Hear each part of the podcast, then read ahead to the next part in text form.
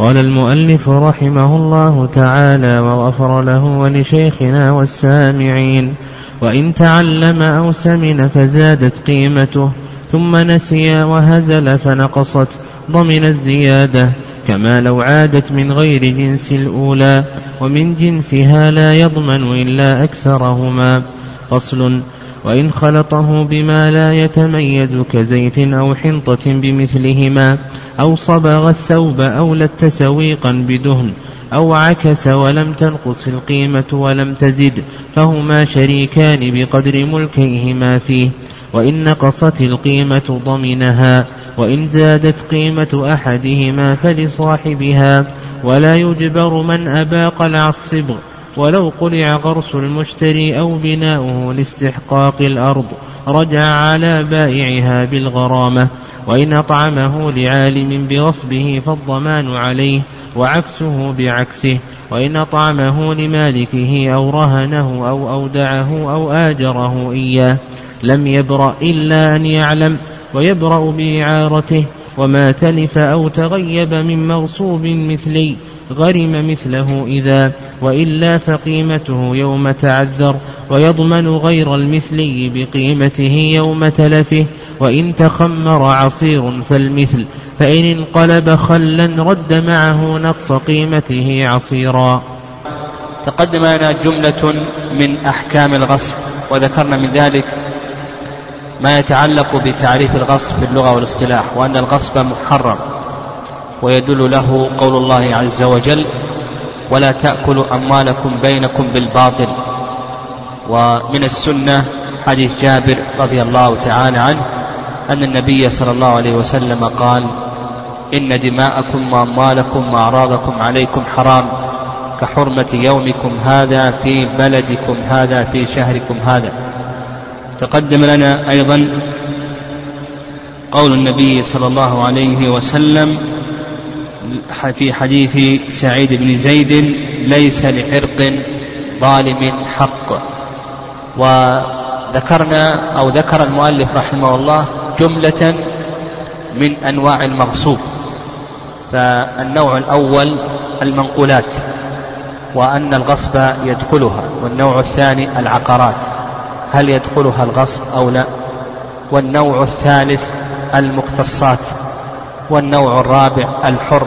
إلى آخر ما ذكر المؤلف رحمه الله تعالى.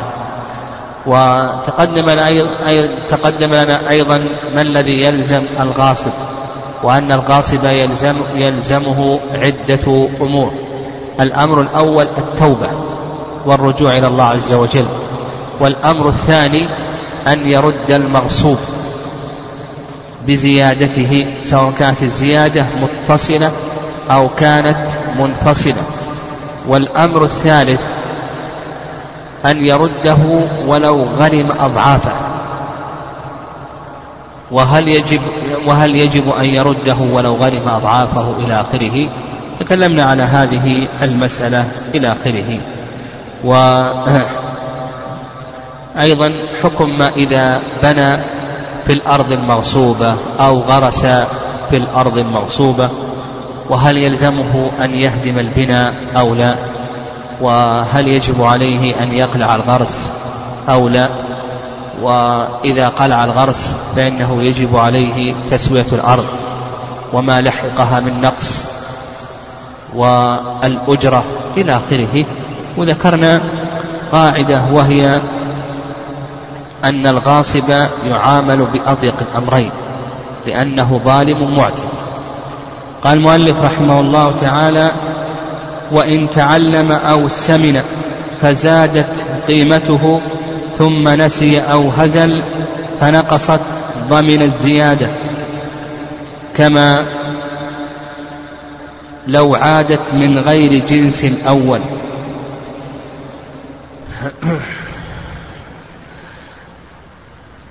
هذه المسألة فيما إذا تغيرت صفة المغصوب.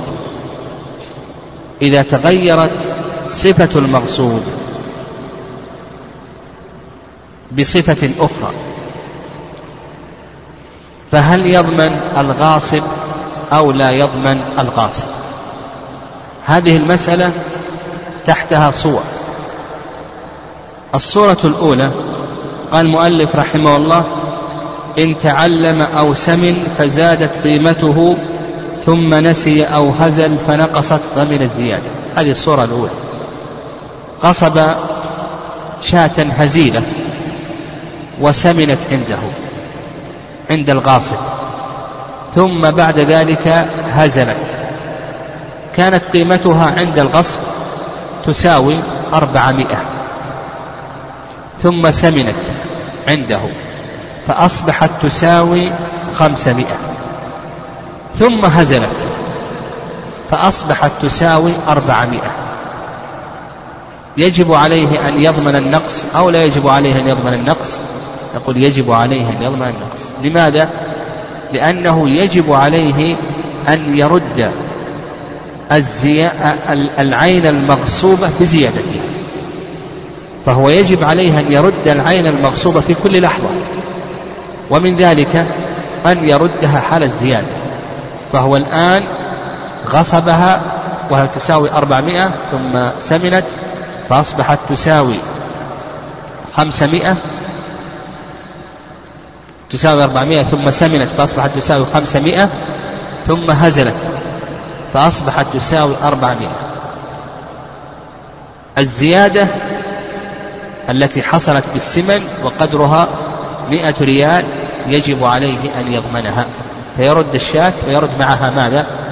قيمة السمن الذي هز الذي حصل ثم ذهب مرة أخرى. لماذا؟ ما هي العلة؟ العلة كما سلف أن الغاصب يجب عليه أن يرد العين المغصوبة في كل وقت ومن ذلك وقت السمن. فلما لم يرد في وقت السمن ضمن هذه الزيادة. قال كما لو عادت من غير جنس الأول. هذه الصورة الثانية. الصورة الثانية. غصب رقيقا. وكان هذا الرقيق طباخا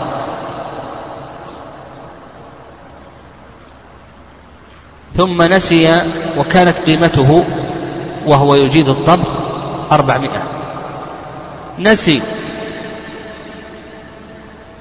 صنعة الطبخ لكنه اكتسب عند الغاصب صنعة أخرى وهي الكتابة. كانت قيمته تساوي أربعمائة. نسي هذه الصفة فأصبحت قيمته تساوي ثلاثمائة. تعلم الكتابة فأصبحت قيمته تساوي أربعمائة. ها؟ يجب على الغاصب أن يضمن صفة ماذا؟ الطبخ. وصفة الطبخ قيمتها كم؟ مئة. وكونه تعلم صفة أخرى عند الغاصب لا تقوم مقام الصفة السابقة لأن هذه الصفة صفة زائدة يجب على الغاصب أن يردها يرد هذه الصفة الزائدة. والصفة التي فاتت يجب عليه أن يضمنها. طيب الصورة الثالثة الصورة الثالثة؟ إذا ذهبت الصفة ثم تعوض عنها صفة أخرى من جنسها فهل يضمن الصفة الذاهبة أو لا يضمن الصفة الذاهبة؟ صورة ذلك قصب شاة سمينة وكانت تساوي خمسمائة هزلت الشاة فأصبحت تساوي أربعمائة. سمنت مرة أخرى فعادت إلى قيمتها وأصبحت تساوي خمسمائة. هل يجب عليه أن يضمن الصفة الأولى السمن الأول أو لا يجب عليه أن يضمنه يقول يجب عليه أن يضمنه الغاصب لماذا؟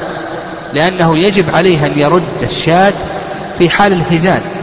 ولو رد الشاة في حال الهزال يضمن الصفة الفائتة ولا يضمن الصفة الفائتة يضمن الصفة الفائتة. فأصبح عندنا ثلاث صور. الصورة الأولى أن تفوت الصفة وتتجدد عنها صفة أخرى. آه، آه، الصورة الثانية أن تفوت الصفة ولا يتجدد عنها صفة أخرى. الصفة الثالثة أن تفوت الصفة تتجدد عنها صفة أخرى من غير جنسها. ففي الصور الثلاث كلها يضمن الغاصب. لما ذكرنا من القاعدة؟ وهي أن الغاصب يعامل بأضيق الأمرين لأنه ظالم معتدي. قال المؤلف رحمه الله ومن جنسها لا يضمن إلا أكثرهما. يعني هذا ما ذهب إليه المؤلف رحمه الله. ومن جنسها لا يضمن إلا أكثرهما. والصحيح أنه يضمن الصفتين جميعا. الصواب في هذا أنه يضمن الصفتين جميعا. لأنه ظالم معتدي. نعم ظالم معتدي والظالم المعتدي يعامل بأضيق الأمرين كما سلف. الصواب في ذلك أنه يضمن الصفتين جميعا. فمثلا نعم. الصواب في ذلك.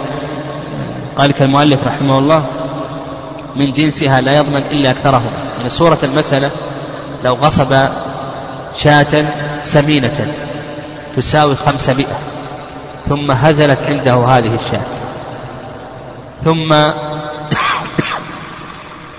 سمنت مرة أخرى وأصبحت تساوي خمسمائة. عادت مرة أخرى. فهل يضمن الصفة التي فاتت أو لا يضمن الصفة التي فاتت؟ على كلام المؤلف رحمه الله لا يضمن الصفة التي فاتت لأنه قال لا يضمن إلا أكثرهما. والصواب في ذلك أنه يضمن الصفة التي فاتت. لما ذكرنا من أن الغاصب يعامل بأضيق الأمرين يعني نعامله بأضيق الأمرين. قال المؤلف رحمه الله تعالى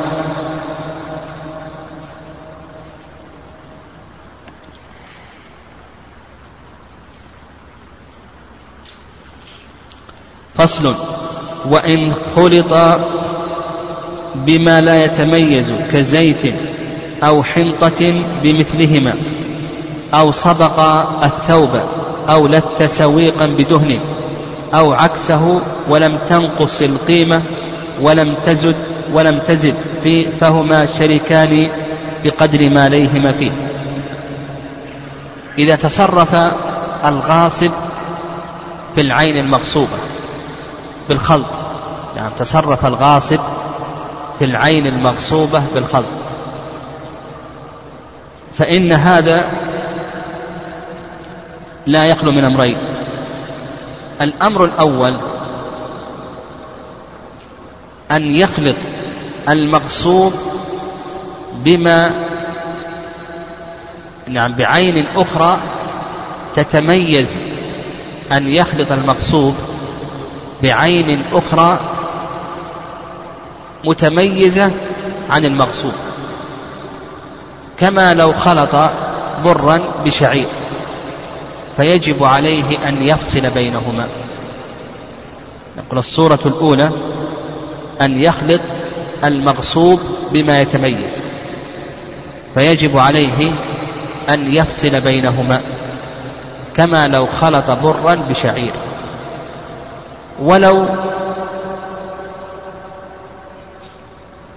غرم أضعاف البر يعني أضعاف المغصوب. لأنه تمكن من تسليم العين المغصوبة لصاحبها.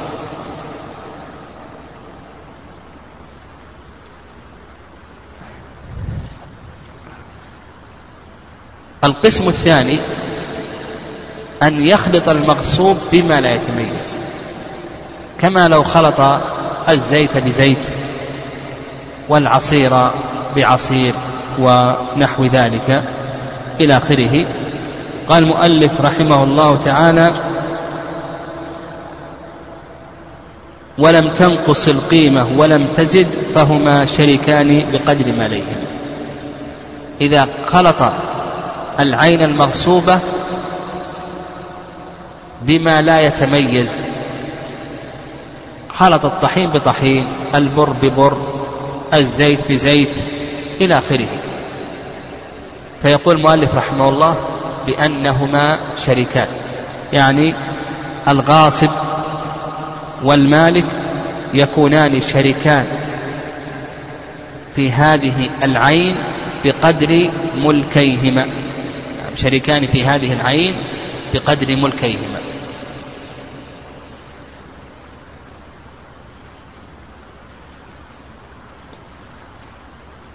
و وقال المؤلف رحمه الله ولم تنقص القيمة ولم تزد فهما شريكان بقدر ماليهما. وإن نقصت القيمة ضمنها وإن زادت قيمة أحدهما فلصاحبه. فأصبحت الأقسام ثلاثة. الأقسام أصبحت ثلاثة. القسم الأول ألا تزيد القيمة. لا تزيد القيمة ولا تنقص. يعني هذا صاع من الزيت خلط بصاع آخر من الزيت وقيمة قيمة كل منهما تساوي مئة أصبحت القيمة تساوي مئتين.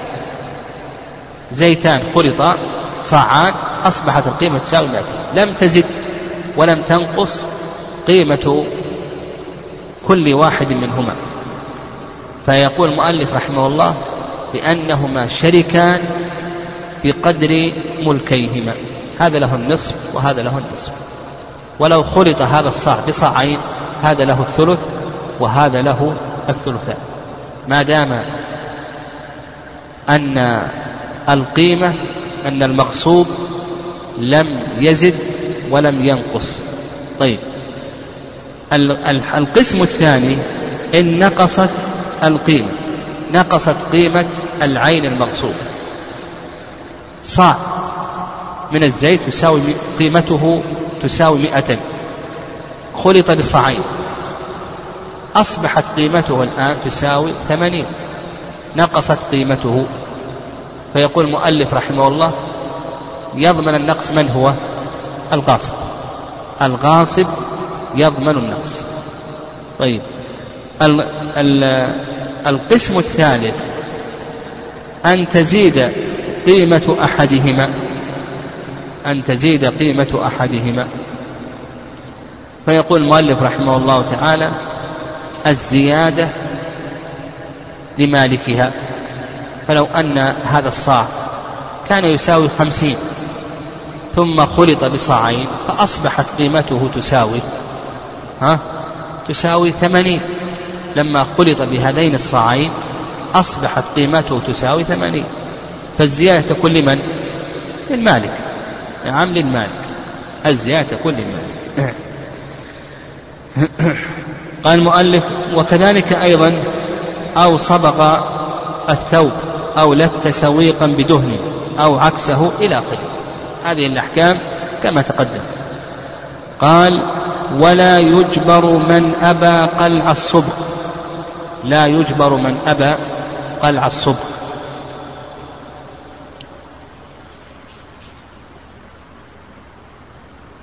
يعني لو أنه غصب ثوبا ثم صبغه فهل يجبر الغاصب بقلع الصبغ من الثوب؟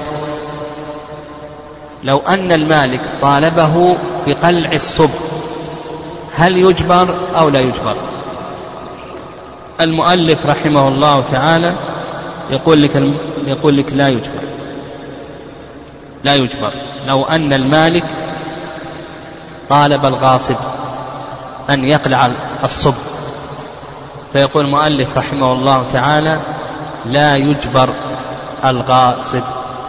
بقلع الصبغ وهذا ما ذهب إليه المؤلف رحمه الله تعالى. والرأي الثاني الرأي الثاني أنه إن أمكن فصل الصبغ فإنه يجبر الغاصب قياسا على إجباره بقلع الغراس. فلو غرس الغاصب بالأرض يجبر بقلع الغراس أو لا يجبر؟ يجبر على قلع البناء وهدمه أو لا يجبر يجبر. فكذلك أيضا هنا. وهذا مذهب الشافعية. وهذا القول هو الأقرب. نعم هذا القول هو الأقرب. فنقول إذا أمكن أن يجبر الغاصب بحيث يمكن أن يفصل الصبغ من الثوب فنقول بأن الغاصب يجبر وهذا مذهب الشافعية وهذا القول هو الصواب. قال المؤلف رحمه الله ولو قلع غرس المشتري أو بناؤه لاستحقاق الأرض راجع على بائعها بالغرامة. صورة المسألة هذا رجل اشترى أرضا. وغرس فيها أو بنى فيها. ثم تبين أن هذه الأرض ليست ملكا للبائع. تبين أن هذه الأرض ليست ملكا للبائع.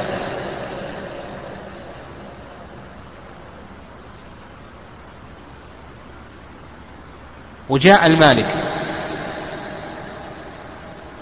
فهل يملك المالك أن يقلع بناء المشتري وغرسه أو لا يملك.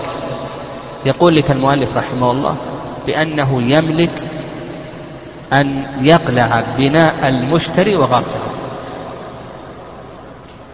ويرجع بالغرامة على من؟ قال رجع على بائعها بالغرامة لأن بائعها هو الذي غره وأوهمه أن هذه الأرض تكون له وقد يكون أخطأ قد يكون البائع أخطأ. باعه الأرض على أنها هي أرضه ثم تبين أنها ليست هي أرضه. واضح؟ المسألة واضحة ليست واضحة؟ اي واضح معين هذا رجل اشترى أرضا وغرس وبنى ثم تبين أن هذه الأرض ليست ملكا للبائع الذي باعها وجاء مالكها. مالكها يملك أن يقلع البناء. كما لو كانت مغصوبة. ويملك أن يقلع الغراس. طيب هذا المشتري وش ذنبه؟ قلع غراسه وقلع بناؤه. يرجع على من؟ على البائع بالغرامة. لأن البائع هو الذي غره. البائع هو الذي غره. وهذا ما ذهب إليه المؤلف رحمه الله تعالى. وإنما يملك المالك أن يقلع البناء ويقلع الغراس لأن الأرض تبين أنها مستحقة له وليست مستحقة للمشتري والرأي الثاني أن المالك لا يملك أن يقلع قراص المشتري ولا يملك أن يقلع بناء المشتري وهذا القول رواية عن الإمام أحمد رحمه الله وصححه بالرجل نعم صححه بالرجل وهذا القول هو الصواب. لأن هذا البناء وهذا الغراس هل هو محترم أو ليس محترما؟ هذا هذا محترم. نعم هذا محترم. كيف نلحقه بالغراس والبناء الذي ليس محترما؟ وهو غراس من؟ المشتري. نعم غراس المشتري. غراس المشتري وبناؤه هذا ليس محترما. فكيف نلحق هذا بهذا؟ والمشتري اشترى على أنه مالك. فالصواب أن المالك لا يملك أن يقلع البناء ولا يملك أن يقلع الغراس. أما إذا كان زرعا فالأمر ظاهر لأن الزرع مدته ماذا؟ لا تطول قصيرة. المشتري يأخذ الزرع وترجع ترجع الأرض لمن؟ لصاحبها ومالكها. لكن بقينا في البناء والغراس لأن هذه تطول مدتها. فالصواب في ذلك أن هذا البناء وضع بحق كذلك أيضا الغراس وضع بحق فلا يملك المشتري أن يقلعه. وإنما له قيمة ماذا؟ قيمة الأرض. نعم. يأخذ قيمة الأرض. وأما كوننا نجبره إلى آخره لأن هذا بناء وغراس نعم وغراس محترم. نعم وهذا القول هو الصواب. نعم هذا القول هو الصواب. نقول الصواب في ذلك أنه يأخذ القيمة من البائع من المشتري والمشتري يرجع على البائع. المشتري يرجع على البائع. اللهم إلا اللهم إلا إذا كان المشتري لا يتضرر بقلع الغراس كأن يتمكن من أن يقلع الغراس بلا ضرر يلحقه إلى آخره أو يقلع البناء بلا ضرر يلحقه فهذا هو الأصل. وترد الأرض إلى مالكها ويرجع على من باعه بالقيمة نعم وبما لحقه من ضرر. المهم إذا كان الضرر يسيرا فهذا الأمر في ظاهر. قال وإن أطعمه لعالم بغصبه فالضمان عليه.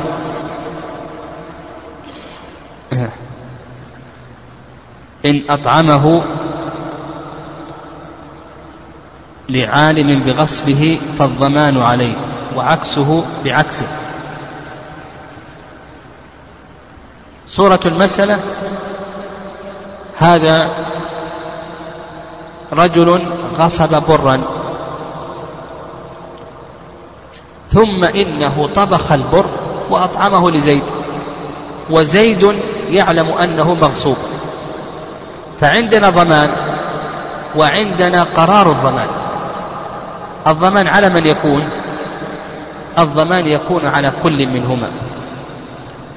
يعني المالك يملك أن يضمن الغاصب ويملك أن يضمن الآكل. لكن قرار الضمان على من يكون ها؟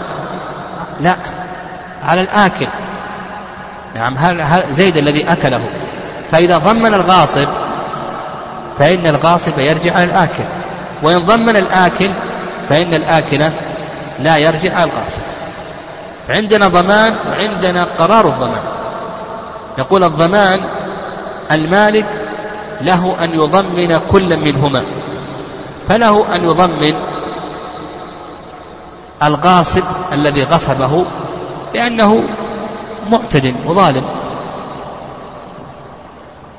وله أن يضمن الآكل لأنه أتلفه عن علم في الأكل فله أن يضمن كل منهم لكن قرار الضمان على من؟ ها؟ على الآكل وما معنى قرار الضمان؟ يعني على من يستقر عليه ضمان هذا المغصوب نقول على الآكل فإن ضمن الغاصب فإن الغاصب يرجع على الآكل. وإن ضمن الآكل فإن الآكل لا يرجع على الغاصب. هذا إذا كان الآكل عالما بالغصب. طيب فإن كان جاهلا نعم فإن كان جاهلا إذا كان جاهلا لا يدري أنه مغصوب أكله. هذا بر أو خبز أطعمه الغاصب لزيد وزيد لا يدري أنه مغصوب فنقول له أن يضمن كل منهما. له أن يضمن الغاصب لأنه معتد بالغصب وله أن يضمن الآكل لأنه تلف تحت يده. لكن بالنسبة لقرار الضمان على من يكون على الغاصب لأن الآكل معذور بالجهل. وعلى هذا إذا ضمن الغاصب فإن الغاصب لا يرجع الآكل. وإن ضمن الآكل فإن الآكل يرجع الغاصب قال وإن أطعمه لمالكه أو رهنه أو أودعه أو آجره إياه لم يبرأ إلا أن يبرأ إلا أن يعلم ويبرأ بإعارته. إذا أطعمه لمالكه.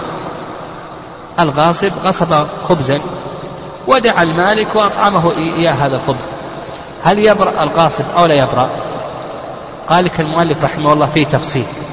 إن كان المالك يعلم أنه خبزه أنه خبزه وأكله برئ الغاصب. وإن كان يجهل فإن الغاصب لا يبرأ أو رهنه أو أودعه. يعني جعله عنده جعله رهنا عند المالك. اقترض من المالك. وقصد مثلا من المالك كتابا. واقترض منه قرضا. وأعطاه إياه رهنا. أعطاه العين المغصوبة رهنا. أو أعطاه الكتاب وديعة. أعطاه للمالك. أو آجره السيارة التي غصبها منه. فهل يبرأ بدفعها إلى المالك أو لا يبرأ؟ بدفعها للمالك عن طريق الوديعة عن طريق الرهن عن طريق الإجارة. هل يبرأ أو لا يبرأ؟ فيه تفصيل. إن كان المالك يعلم أنها ملكه فإن الغاصب يبرأ. وإن كان يجهل أنها ملكه فإن الغاصب لا يبرأ. قال لك ويبرأ بإعارته. نعم ويبرأ بإعارته.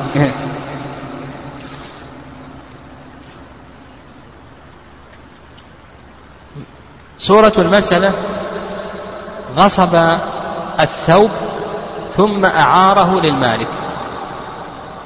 ثم أعاره للمالك يبرأ الغاصب ولا ما يبرأ؟ يبرأ الغاصب. لماذا؟ ها؟ لا ما هي بهذه العلة. طيب في الإجارة أيضا أعطاه العين. في الإجارة أعطاه العين. وفي الرهن أعطاه العين. في الوديع أعطاه العين. لكن الإعارة نحن قلنا في الإجارة وقلنا في الوديعة وقلنا في الرهن فيه تفصيل. إن كان يعلم أنها ملكه برئ الغاصب وإن كان يجهل أنها ملكه لم يبرأ الغاصب لكن في الإعارة يبرأ مطلقا. لماذا يبرأ مطلقا؟ أيوة صح هذا التعليم لأنها لأن العارية مضمونة على المذهب.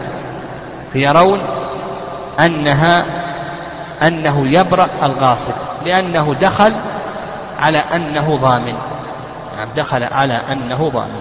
وعلى هذا لو تلفت هذه العين تحت يد المالك يبرأ الغاصب ولا ما يبرأ الغاصب؟ ها؟ يبرأ الغاصب. نعم لماذا؟ لأنها مضمونة عليه. وكيف يضمن؟ لنفسه من نفسه. ففرق بين العارية وبين غيرها لأن العارية يرون أنها مضمونة. فإذا ردها إلى مالكها برئ منها لأنها مضمونة عليه يده عليها يد ماذا؟ يد ضمان فيبرأ سواء علم أنها ملكه أو لم يعلم أنها ملكه لأنه دخل على ماذا؟ ها؟ على أنه ضامن فالعارية مضمونة نعم وهذه من المسائل التي يرتبون فيها يعني هذه من المسائل التي يرتبون فيها آه التي يترتب على الخلاف في العارية هل هي أمانة أو أنها مضمونة؟ وهل المستعير يده يد أمانة أو أن يده يد ضمان؟ قال المؤلف رحمه الله تعالى وما تلف أو تعيب من مغصوب مثله بقينا في مسألة وهذه المسألة هي ما يتعلق بالأيدي المترتبة على يد الغاصب. هنا أشار المؤلف رحمه الله إلى بعض الأيدي المترتبة على يد الغاصب.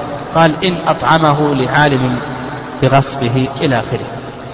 الأيدي المترتبة على يد الغاصب العلماء يقولون بأنها عشر أيد. الأيدي المترتبة على يد الغاصب العلماء يقولون بأنها عشر أيد قد أفردها ابن رجب رحمه الله في كتابه القواعد.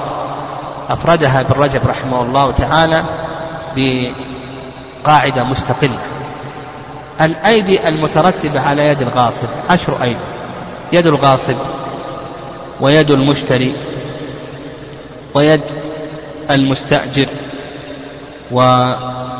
ويد الشريك والمضارب والمودع والمرتهن والمزارع والمساقة والقابض على وجه السوق هذه الأيدي. يد الغاصب يد المشتري يد المستأجر يد الشريك يد المضارب إلى آخره. هذه الأيدي المترتبة على يد الغاصب. بمعنى أن العين المغصوبة انتقلت من يد الغاصب إلى يد أخرى. انتقلت من يد الغاصب إلى يد أخرى.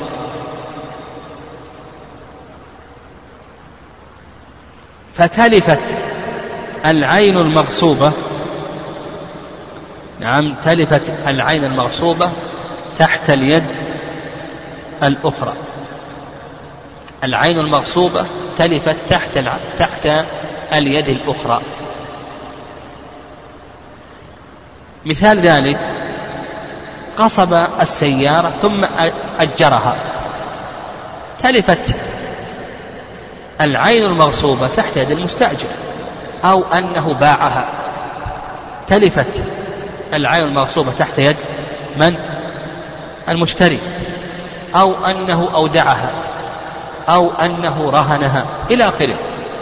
هذه الأيدي المترتبة على يد الغاصب فعندنا ضمان وعندنا قرار الضمان. نعم عندنا ضمان وعندنا قرار الضمان. فنقول بأن الأيدي المترتبة على يد الغاصب كلها أيدي ضمان. لماذا؟ لأن التلف حصل تحت تحتها. وعلى هذا المالك يضمن من؟ يضمن كل منهم. له أن يضمن الغاصب لأنه هو الذي اعتدى. وله أن يضمن من انتقلت إليه العين المغصوبة. ها اليد الأخرى التي انتقلت إليها اليد المغصوبة. كيد المشتري المستاجر المودع إلى آخره. واضح؟ له أن يضمنه لأن التلف حصل تحت يده. فعندنا الضمان يكون على من؟ ها؟ على كل منهما. على الغاصب لأنه هو الذي اعتدى بالغصب. وعلى اليد الأخرى لأن التلف حصل تحتها. هذا بالنسبة للضمان.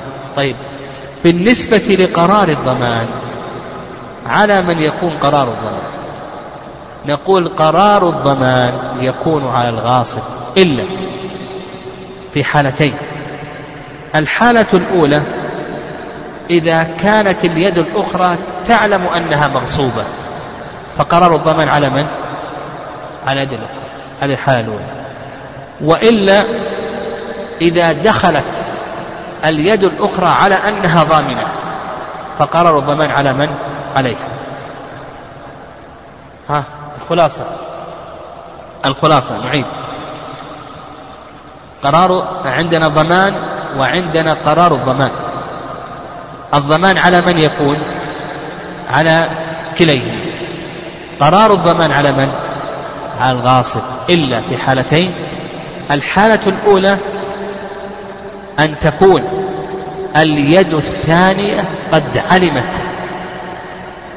أن هذه العين مغصوبة فقرر الضمان عليها. الحالة الثانية إذا دخلت اليد الثانية على أنها ضامنة فقرر الضمان عليها. مثال ذلك إذا دخلت على أنها ضامنة. لو أن غاصبا غصب من الغاصب. غاصب غصب من الغاصب. عندنا غاصبا الغاصب الأول والغاصب الثاني.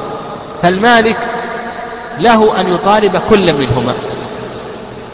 قرار الضمان على من؟ هل هو على الغاصب الأول أو الغاصب الثاني؟ الغاصب الثاني. فإذا ضمن الأول رجع على الثاني وإن ضمن الثاني لم يرجع على الأول. كذلك أيضا كما قلنا إذا كانت اليد الثانية قد علمت بأي شيء؟ بالغصب. فقرر الضمان عليها. فإذا ضمن الغاصب رجع عليها وإن ضمن اليد الثانية لم يرجع عليها. أما إن كانت اليد الثانية جاهلة ولم تدخل على أنها ضامنة فقرر الضمان على من؟ الغاصب. فإذا ضمن الغاصب لم يرجع على اليد الثانية وإن ضمن اليد الثانية رجع على الغاصب. نعم. قال المؤلف رحمه الله وما تلف أو تعيب من مغصوب مثلي غرم مثله إذا وإلا فقيمته يوم تعذره ويضمن غير المثل بقيمته يوم تلفه. نعم. هنا المؤلف رحمه الله بين كيف يعني كيف يضمن المغصوب. كيف يضمن المغصوب؟ فقال لك إن كان المغصوب مثليا فإن الغاصب يضمن المثل. وإن كان المغصوب قيميا فإن الغاصب يضمن القيمة. إن كان مثليا فإنه يضمن المثل. وإن كان قيميا فإنه يضمن ماذا؟ يضمن القيمة. ما هو المثلي وما هو القيمي على المذهب؟ تكلمنا عن المسألة هذه ها؟ ما هو المثلي والقيمي؟ من يعرف؟ ها؟ أيوة المكيل كل مكيل أو موزون ها؟ لا وش بقي؟ كل مكيل أو موزون أو مدروع ما لا كل مكيل أو موزون ها؟ يصح السلم فيه لا صناعة فيه مباح صح هذا هذا ضابط المثل عند الحنابلة والشافعية كل مكيل أو موزون. يصح السلم فيه لا صناعة فيه مباح. تقدم الكلام عليه تكلم عليه في القرض. والقيم ما عدا ذلك فهم يضيقون المثليات ويوسعون القيميات. المثليات يضيقونها والقيميات يوسعونها. طيب. والرأي الثاني الرأي الثاني أن المثل ما له مثل في الأسواق والقيم ما ليس له مثل في الأسواق وعلى هذا يكون العكس. توسيع المثل وتضييق القيم وهذا القول هو الصواب. نعم هذا القول هو الصواب. سبق أن تكلمنا على هذه المسألة وضربنا لها أمثلة. ها؟ أليس كذلك؟ أما تكلمنا عليها؟ تكلمنا عليها فأنتم ارجعوا إليها في وذكرنا الخلاف رأي الحنابلة والشافعية وأن هذا رأي تقريبا رأي الحنفية إلى آخره. المهم قال لك ما تلف أو تعين مغصوب مثلي قرم مثله إذا وإلا فقيمته يوم تعذره تعذر تعذره تعذره وإلا فقيمته يوم تعذره. ويضمن غير المثل بقيمته يوم تلفه. القيم يضمن بالقيمة. ومتى؟ وقت الضمان. قال لك المؤلف رحمه الله وقت الضمان يوم التلف. والمثل يضمن بالمثل. قال رحمه الله وإن تأخمر عصير فالمثل فإن قلب خلا دفعه ومعه نقص قيمته عصير. إذا قصب عصيرا ثم تخمر هذا العصير أصبح الآن خمرا. وش يلزم الغاصب؟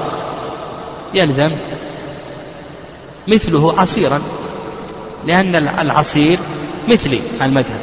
العصير مكيل فهو مثلي على المذهب فيلزم مثله يعني يلزم مثله.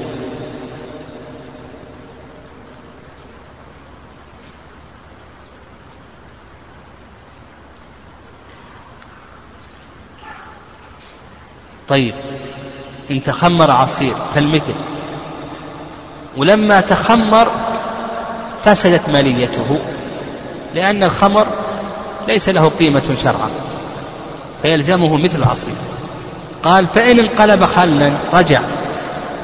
دفعه ومعه نقص قيمته عصير الآن هو عصير ثم أصبح خمر. ها؟ ثم بعد أن أصبح خمرا انقلب إلى كونه خلا. يعني انقلب إلى كونه خلا. وش يقول لك المؤلف؟ يقول المؤلف رحمه الله يعطيه الفرق. فمثلا قيمته عصير تساوي مئة. انقلب خمرا. خمر ما يساوي شيء. انقلب الخمر إلى خل. الخل يساوي خمسين. كم يلزم الغاصب للمالك؟ يلزمه خمسين. نعم والصحيح أنه كما تقدم لنا هذا كما هو هذا على كما تقدم المؤلف أنه أشار المؤلف فيما سبق قال بأنه ماذا؟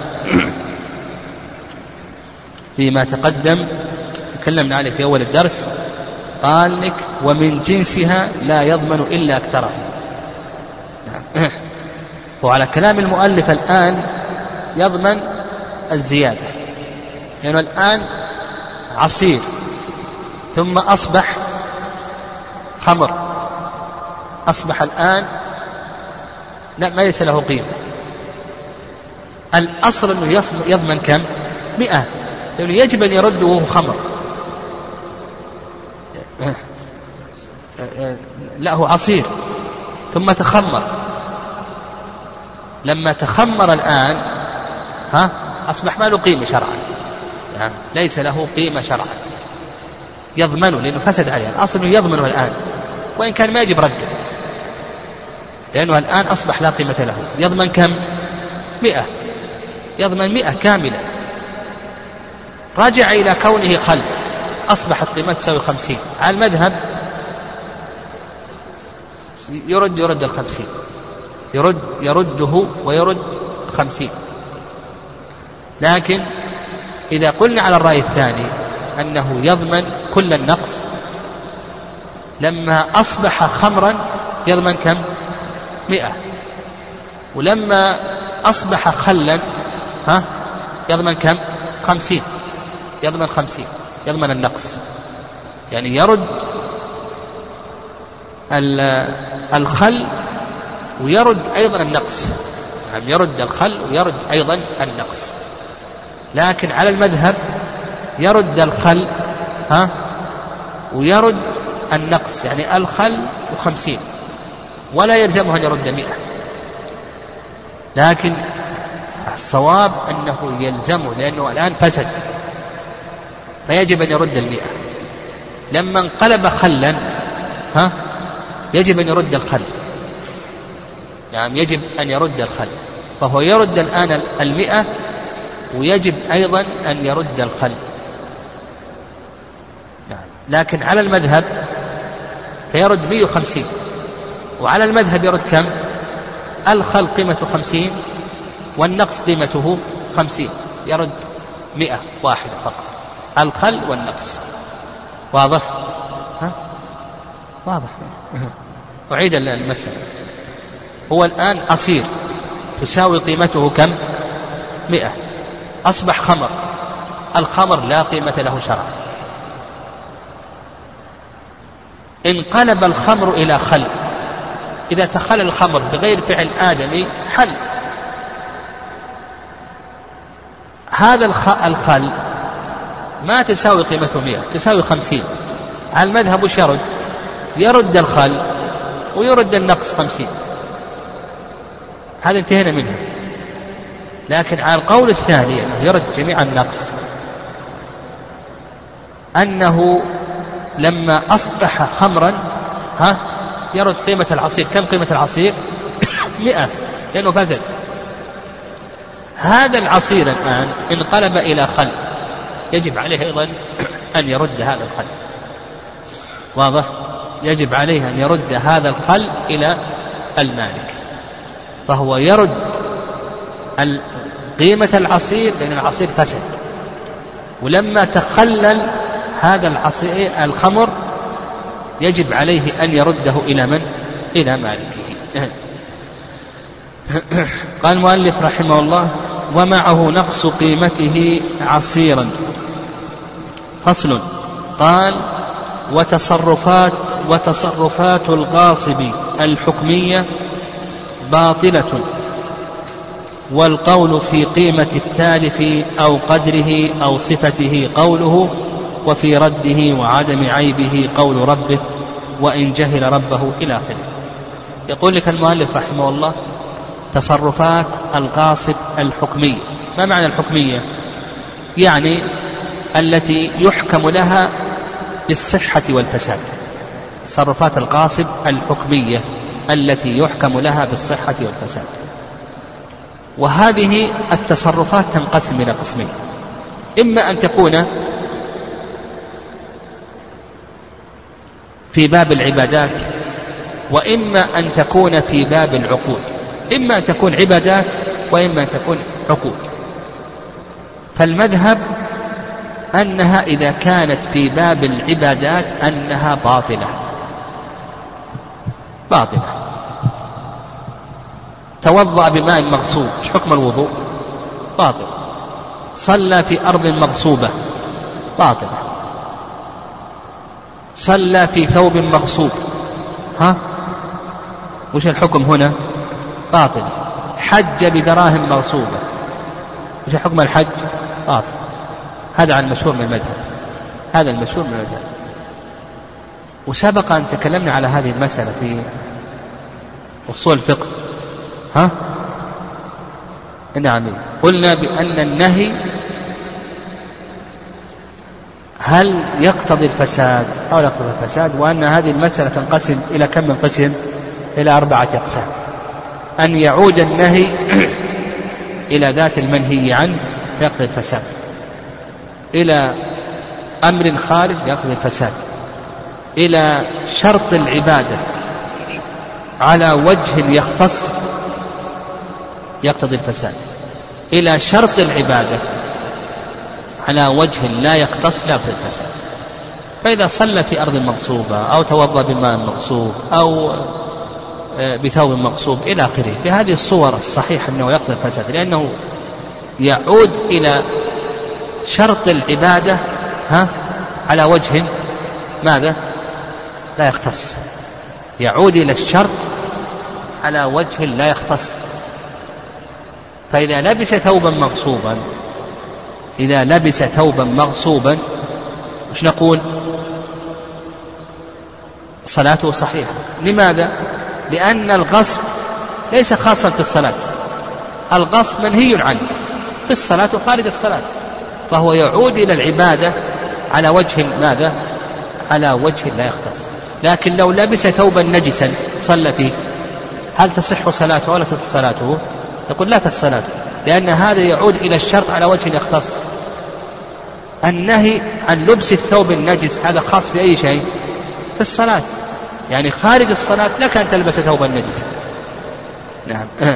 خارج الصلاة لك أن تلبس ثوبا نجسا يعني فهذا القسم الأول من, من تصرفات الغاصب.